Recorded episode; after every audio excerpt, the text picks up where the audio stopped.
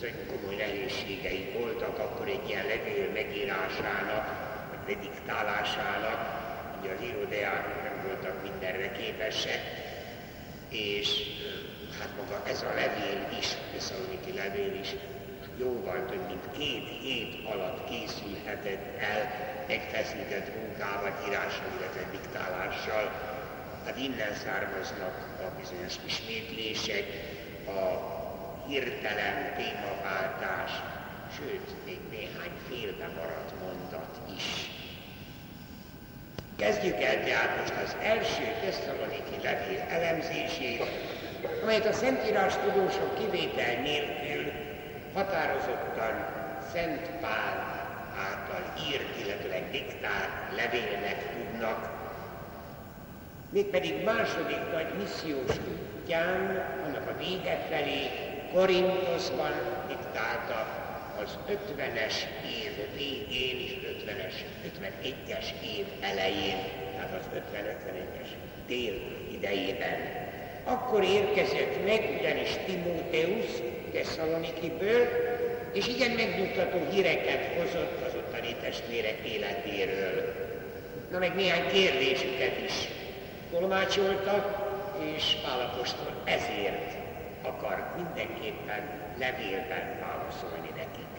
Így kezdte levelét. Pál Szilással és Timóteusszal együtt üdvözli a Tesszalonikiek egyházát, amely Istenben, az Atyában és Jézus Krisztusban áll fel. Kegyelem nektek és békesség. Az üdvözlésben csak a három nevet említi, mind a két munkatársa ott van Korintosban, és mind hármukat Tesszalonikiben ismerték, tehát nem kell külön hozzáfűzni a semmit sem. Az ottani Krisztusi közösséget a helyi egyházak viszont természet fölötti oldalról tekinti Pál, kimondja, hogy csak is az Atya szeretetéből és a földre küldött Krisztus megváltása alapján keletkezhetett ez a közösség, és csak is így élhet Krisztusi életet. Mivel itt már a egyház, a helyi egyház megalapozásával kapcsolatban beszélt az Atya szeretetéről és az Úr Jézus megváltásáról, az üdvözlésnek a második felében ezt már elhagyja. Csak annyit mond, hogy kegyelem és békesség.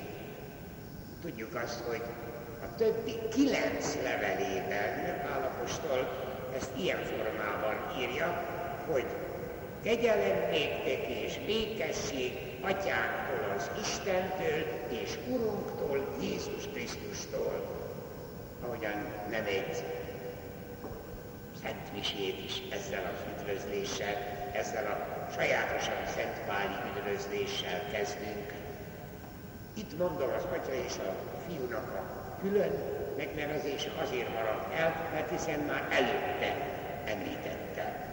De a kegyelem és a békesség ilyen összekapcsolása mögött azért van egy olyasmi is, hogy az Ószövetség és az Új Szövetséget valamiképpen egységesen kell szemlélni. Egységben látja. Tudjuk azt, hogy az Ószövetségnek a legjellegzetesebb fogalma a békesség, a salom volt, arra vágyódtak, az volt mindennek a csúcspontján, az új szövetségben pedig a megváltás kegyelme. Isten ingyenes ajándéka, az a legjellegzetesebb. Tehát a salom és a kegyelem, a charis, rácia, így összefoglalja ez a köszöntés az Ó és Új Szövetséget. Na, a következő mondat aztán már egészen sajátosan Szent Páli, ő nagyon jól tudta, és nagyon értékelni tudta, fontosnak tartotta a Krisztusi életben a hálaadás. Ő szeretett köszönni. A többi levelében is sokszor szerepelt ez, ebben a levelében is többször előkerül, itt most kifejezetten hálát ad az Istennek a tesszaloniki hívek lelki megerősödéséért. Ezekkel a szavakkal teszi ezt. Mindig hálát adunk Istennek mindannyiatokért, valahányszor csak emlékezünk rólatok imádságainkban. Állandóan gondolunk tevékeny hitetekre, Urunk Jézus Krisztusban vetett szilárd reményetekre és áldozatos szeretetetekre. Érdekes, hogy miért ad hálát az apostol, ő nem az elvont fogalmakat szereti, a konkrét valóságoknak az embere volt, és hát itt is lehet, hogy az apostoli ige hirdetésben is szerepeltetik egymás mellett a három úgynevezett isteni erény, a hit, a remény és a szeretet, de írásban kétségtelen, hogy itt szerepel, Szent Pál levelében szerepel először. Ő elismerő módon szól a tesszaloniki hívek életét formáló Isten hitéről, a Krisztusi megváltásból lehetővé vált boldog cél elérésének a reményéről és az áldozatoktól sem visszariadó szeretetről. Kicsiktelen azonban, hogy amikor apostol így dicsér, mert hiszen dicséri a tesszalonikiaiakat, azért azzal egy kicsit buzdítani is akarja őket, ennek a három erénynek a megélésében is majd később látni fogjuk, hogy valóban azért buzdítani is akarja tesszaloniki közösséget. Hasonló szándékot lehet érezni a következő sorokban is, ami ugyancsak nagy dicséretet tartalmaz. Így, így következik, ezek a következő sorok így hangzanak. Tudjuk, Istentől szeretett testvéreim, hogy ti választottak vagytok. Nem csak azért, mert nem egyszerű szóval, de a Szentlélek erejével hirdettük köztetek az evangéliumot, hanem azért is, mert ti a tanítást sok nehézség ellenére is a Szentlélek örömével fogadtátok, mint az Úr szavát. És ezzel példaképévé váltatok a hívőknek Macedóniában is, Ahájában is. Istenbe vetett hitetek ismerős lett mindenütt, mindenhol beszélnek arról, hogyan fogadtatok minket, hogyan fordultatok el a bálványoktól, hogy az élő igaz Isten szolgáljátok, és hogyan várjátok most a halálból föltámadt fiú, Jézus, aki megment titeket Isten már ebből a pársoros, igen meleg és feltűnően dicsérő bevezetésből is elég tárul. Állapostól egész lelkisége, a mélységes hite, a Krisztusi megváltásból fakadó óriási változás, világos látása, és az üdvösségnek határozott boldogító tudata. Már itt olyan szabadjan így mondani, olyan szakkifejezéseket használ, ami aztán ismétlődik a többi levelében is, de a mai teológiában is, mint szakkifejezést használjuk.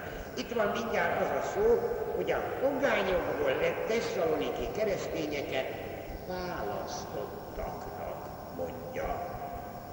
Ebben benne van az az állítás, hogy a ószövetségi választott zsidó népet fölváltotta Istennek az új népe, amely a megváltó Krisztusba vetett hitből él, tehát az Ószövetség egy népre korlátozott, választott világa most kitárul.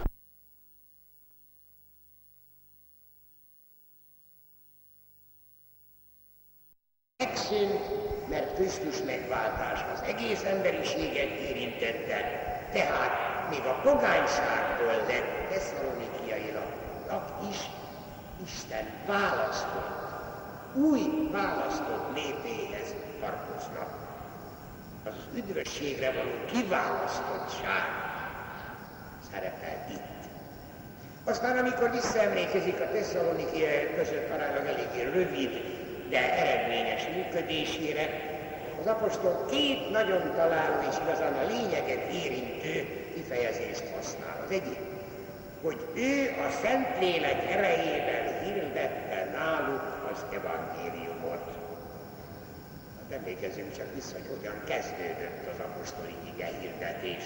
Hát az első pünköst, a Szentlélek kiárat, és Péter apostol elkezdte, aztán folytatták a többiek.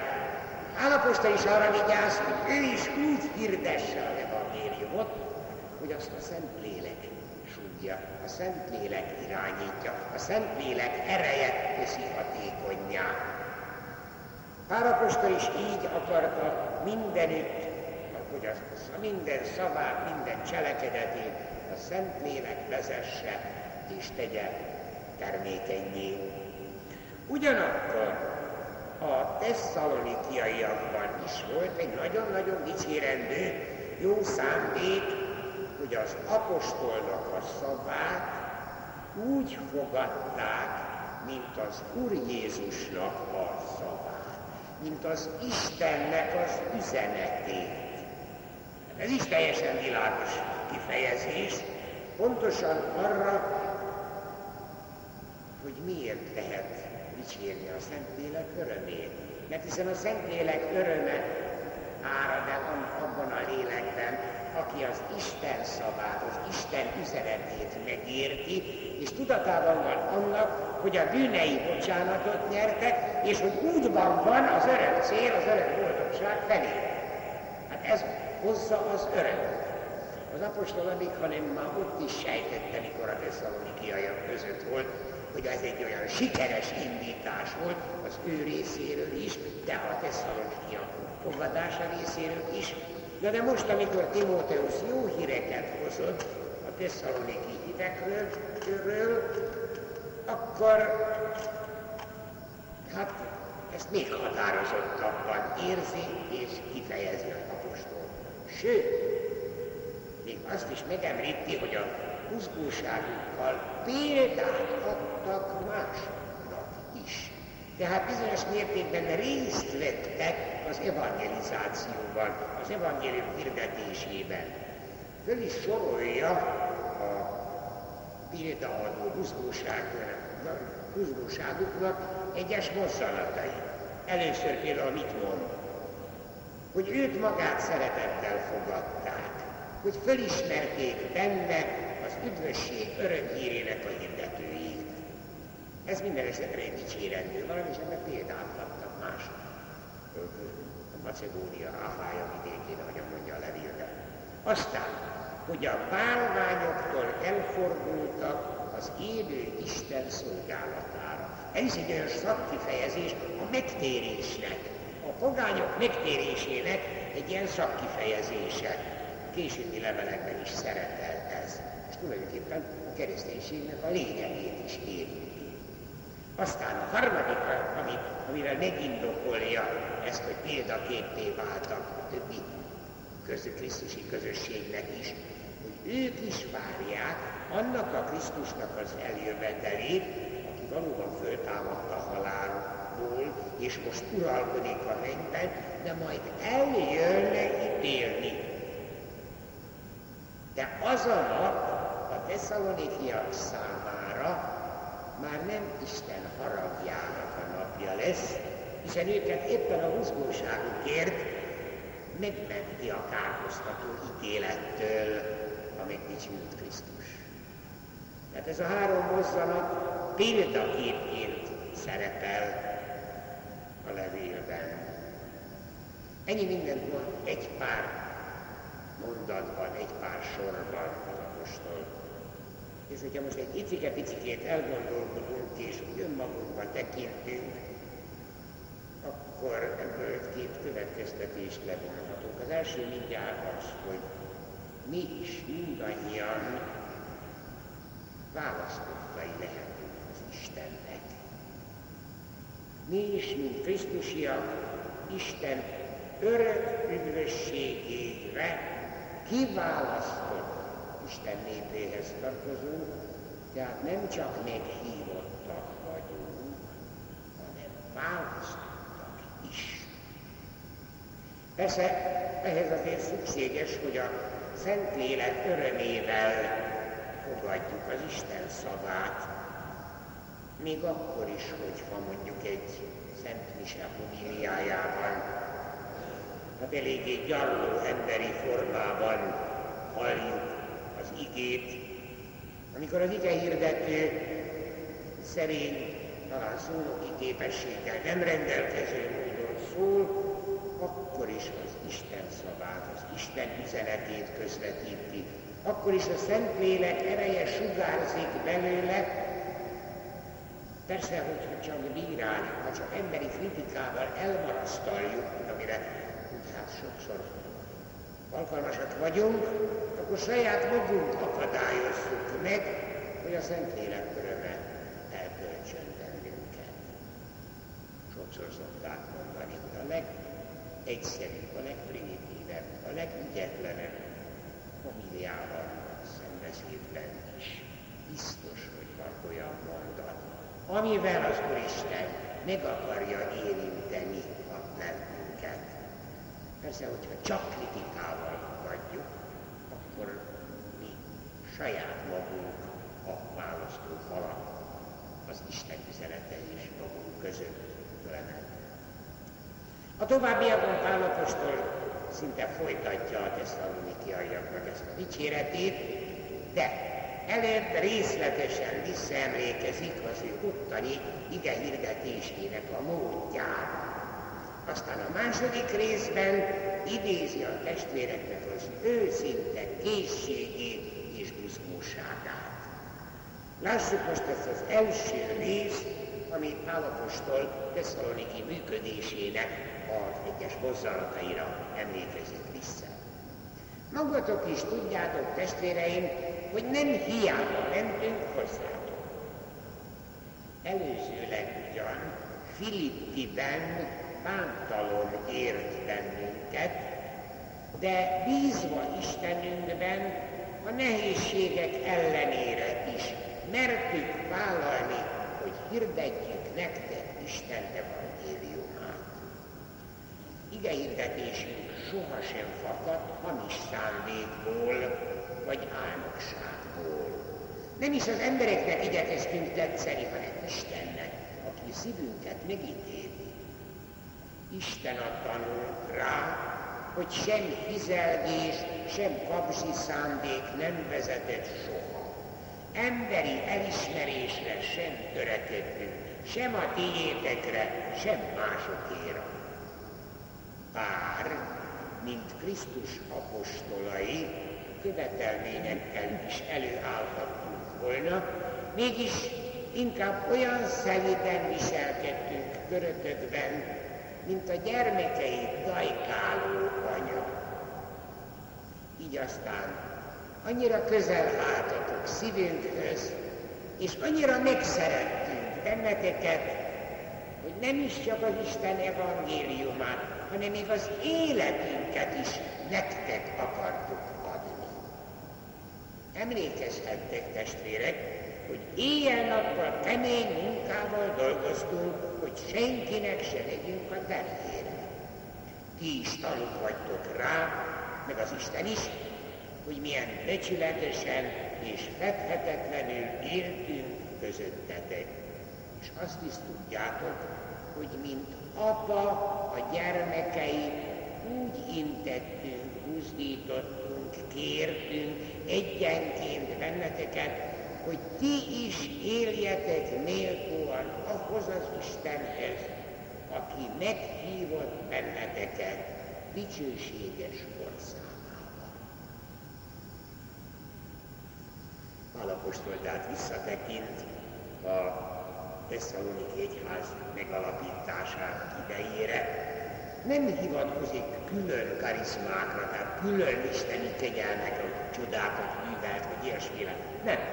Csak azt emeli ki, hogy hát a nehézségek ellenére is vállalta. Tudjuk, hogy Filippiben, hát onnan megfeszézték, aztán kizavarták onnan, ugye, illetőleg hát kicsit tiltakozott ellene, és akkor tisztességesen elbocsátották, de hát a minden esetre nehézséget jelentett, És Tesszalonikiban a lehet legnagyobb biztonsággal kezdte hirdetni Krisztus evangéliumát. Hangsúlyozza, hogy nem kereste az emberek tetszését. Tehát senkinek a kedvéért nem volt hajlandó engedményt tenni. Az embereket nem magához akarta láncolni, hanem Krisztushoz. A megváltó Krisztushoz.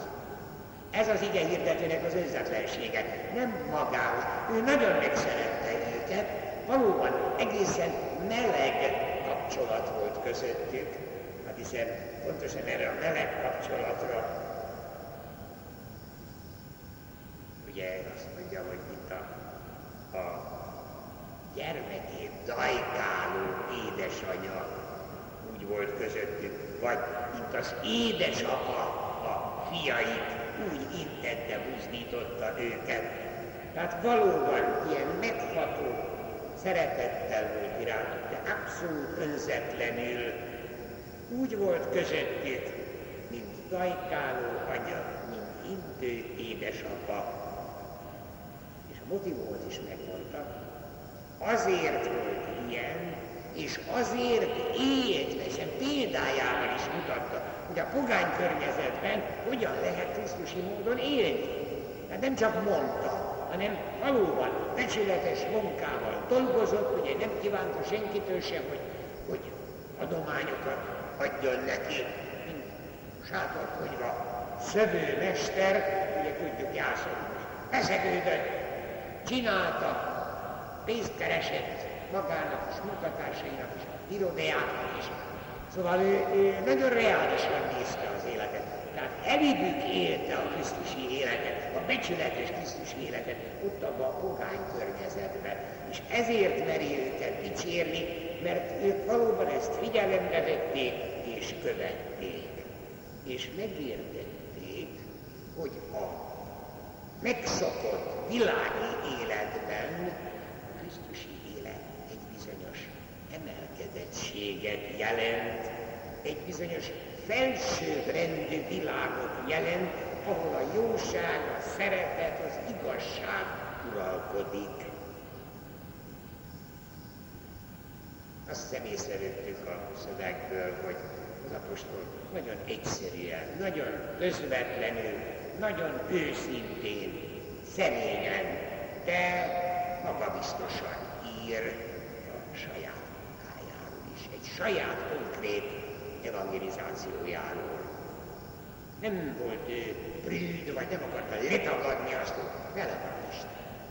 Ő tudta, hogy amit csinál, azt az Úristennek a küldetésében, a Szentléleknek a vezetésével csinál. Erre nem lehet kérkedni, de igenis egy szerény magabiztosság sugárzik az ő apostoli munkájáról, és arról is, hogyan erre visszaemlékezik nyugodtan teheti, hiszen jó híreket hallott, tehát az eredményt is tapasztalja, jó híreket hallott a testvérek életéről. Na most a következő részben, ugye ebben a, tesszalonikiaiakat dicsérő, megdicsérő rész, hát először saját munkájáról beszél, a következő részben pedig arról szól, hogy a hívek hogyan fogadták, hogyan váltak olyan, hogy valóban megszerette őket, mert hiszen kifejezetten írja, hogy, hogy külön is szereti őket, hogy hogyan fogadták az ő húzgóságukat idézi fel ennek a fejezetnek a második felében. Engedjék meg, hogy ezt csak a jövő szerdán folytassuk. Most fejezzük be abba, hogy még húsvét előtt egyszer találkozunk, és addig is áldjon meg bennünket a mindenható Isten, az Atya, a Fiú és a Szent Lélek. Amen.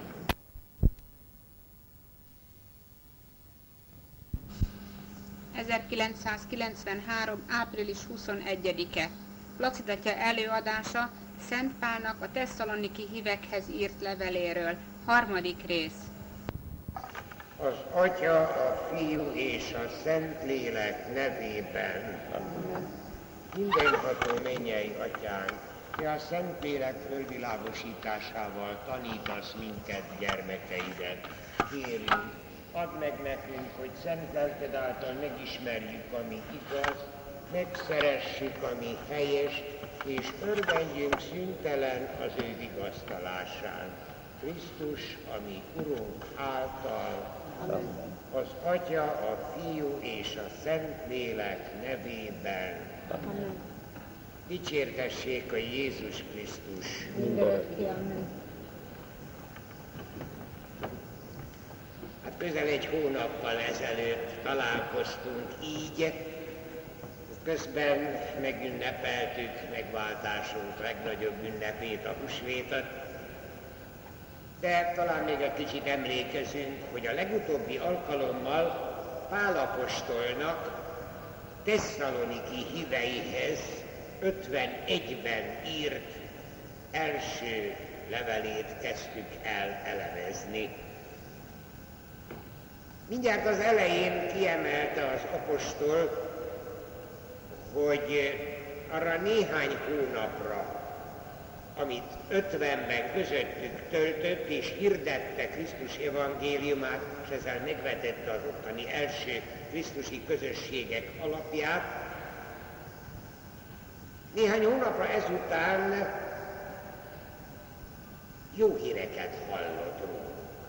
Igaz, hogy bevallja, hogy milyen atyai szeretettel mindent megtett, és hogyan iparkodott elindít élni a Krisztusi életet, a Krisztusi hitet, akkor is, amikor a pogányokat bizonyos értetlenséggel és bunyolódással voltak, sőt, állandóan akadályozták a munkáját. Azt azonban, hogy néhány hónap múlva mégis igen jó híreket hozhatott felőlük munkatársa Timóteusz, ezt Pálapostól elsősorban nem saját magának tulajdonítja, hanem a hívek készségének és jóindulatának. Levelének a folytatásában külön fel is idézi a tesszaloniki testvéreknek a húszkóságát, mégpedig így. Szüntelenül hálát adunk Istennek, hogy amikor Isten szavát hallottátok tőlünk, nem úgy fogadtátok, mint emberi tanítást, hanem mint Isten szavát, ahogyan valóban az is. És ez bennetek is hatékonynak bizonyult. Hiszen ti testvéreim, követői lettetek Isten júdeai egyházainak, amelyek Jézus Krisztusban élnek. Igaz ugyan, hogy ti is ugyanazt szenvedtétek el saját népetektől, mint ők a zsidóktól, akik megölték Urunkat, Jézust és a profétákat is. Minket most is üldöznek, és még abban is akadályoznak, hogy a pogányoknak hirdessük az evangéliumot ezzel most már betelik bűneik mértéke, és rajtuk is van Isten haragja. A Krisztusi hit megszületésének kérdését érinti ezekkel a szavakkal Pálapostól, annak a természetes módja, módjához kettő szükséges. Kell hozzá az evangélium hirdetése, a Krisztusi megváltásról szóló tanítás, de kell hozzá a hallgatóság készsége is. Mégpedig egészen sajátos készsége, amely megérzi az ige hirdetésben azt, hogy maga az Isten szól hozzájuk. Pálapostól tudatában van apostoli küldetésének. Ő egy pillanatra sem kételkedett abban, hogy szavai és egész ige hirdetése az Isten üzenetét közvetítette. De most boldogan ad hálát Istennek, hogy a kegyelem megvilágosításával ő maga is közreműködhetett a tesszalonikiak lelkében, és így azok fölismerték tanításában az Isten szavát.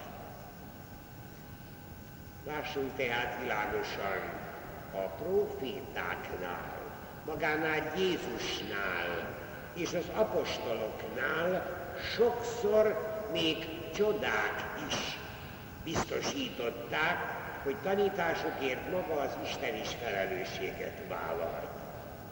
Az apostolok mindig arra hivatkoztak, hogy magától Krisztustól kapták küldetésüket. Az egyház sem tehet más, mint az apostoli hagyományt adja tovább, és azt hangsúlyozza, hogy Krisztus megadta mindenkori egyházának az igazság lelkét, a szent lelket, hogy a Krisztusi kinyilatkoztatás sértetlenül megőrizhesse. Ige hirdetésében, tanításában. Tehát valóban Isten szól az emberekhez. És ha ezt felismerik és elfogadják, ez hitet fakaszt. Mégpedig ugyanazt a hitet, ugyanolyan hitet Krisztus egész egyházában. Erre is utal Pálapostól, a tesszaloniki testvéreknek a hite teljesen azonos azoknak a judeai testvéreknek a hitével, akik még személyes kapcsolatban voltak magával Jézus Krisztussal, hiszen pontosan ugyanazt az evangéliumot kapták, mint a judeaiak. És ez az egybetartozás még egy másik bizonyítékkal is rendelkezik, hogy a tesszalonikiaiak éppen úgy, mint a júdeaiak kitartanak a hitükben a megpróbáltatások ellenére is. Az evangélium titkához hozzátartozik ugyanis, hogy mindenütt ellenállásba ütközik. A Krisztusi megváltás misztériumához való megtérés kétségtelen változást idéz elő az ember életében, és ott a zsidók, itt pedig a pogányok. Adta környezet bizony ellenséges lelkülettel fogadja ezeket a változásokat. Erre a tesszalonikiaiaknak is számítania kellett, Pálapostól most szívből örül, hogy ez nem ingatta meg őket hitükben. Aztán, hogyha már az ellenségeskedésről szól az apostol, egy mondat erejéig kitér a saját nehézségeire is. A túlbuzgó zsidók állandóan keresztezik az útját, nem gondolnak a pogányok üdvösségére, hanem folytonosan azzal támadják Pálapostolt, hogy félredobja a mózesi törvényeket, hiszen Krisztus megtagadja a zsidó nép egyedüli kiválasztottságát. Hát Pálapostól erre egészen kereken azt mondja, hogy igenis, ő is megtagadja, hiszen Krisztus megváltása az egész emberiséget érintette, és Krisztusi hitükkel most már a tesszaloniki testvérek, akik a pogányságból tértek meg, a tesszaloniki testvérek is kiválasztottak lettek. Éppen úgy, mint az Ószövetségben a zsidó nép kiválasztott volt. És azok a zsidók, akik ezt kétségbe vonják, azok egyenesen Isten ellen vétenek. Ezt egészen világosan látja Pálapostól, és valljuk meg őszintén, egy kicsit ószövetségi módon eléggé keményen ki is kell ellenük, amikor azt írja, hogy tettel lett a bűneik mértéke, és Isten haragja eléri őket ez egy kicsikét ószövetségi módon hangzik. De ezután, a szigorú kitérő után ismét meleg baráti hangon közvetlenül a tesszaloniki testvérekhez szól az apostol, és hangsúlyozza, hogy milyen közel állnak ők az ő szívéhez. Így folytatja levelét. Testvéreim, Mi csak egy időre szakadtunk el egymástól, de csak térben, szívünkben nem. Szeretnélek viszont látni benneteket, sőt, el is akartam már menni hozzátok, csak a sátán megakadályozott benne. Pedig ki volna reményem, örömöm és dicsekvésem Urunk Jézus Krisztus előtt az eljövetele napján is, ha nem ti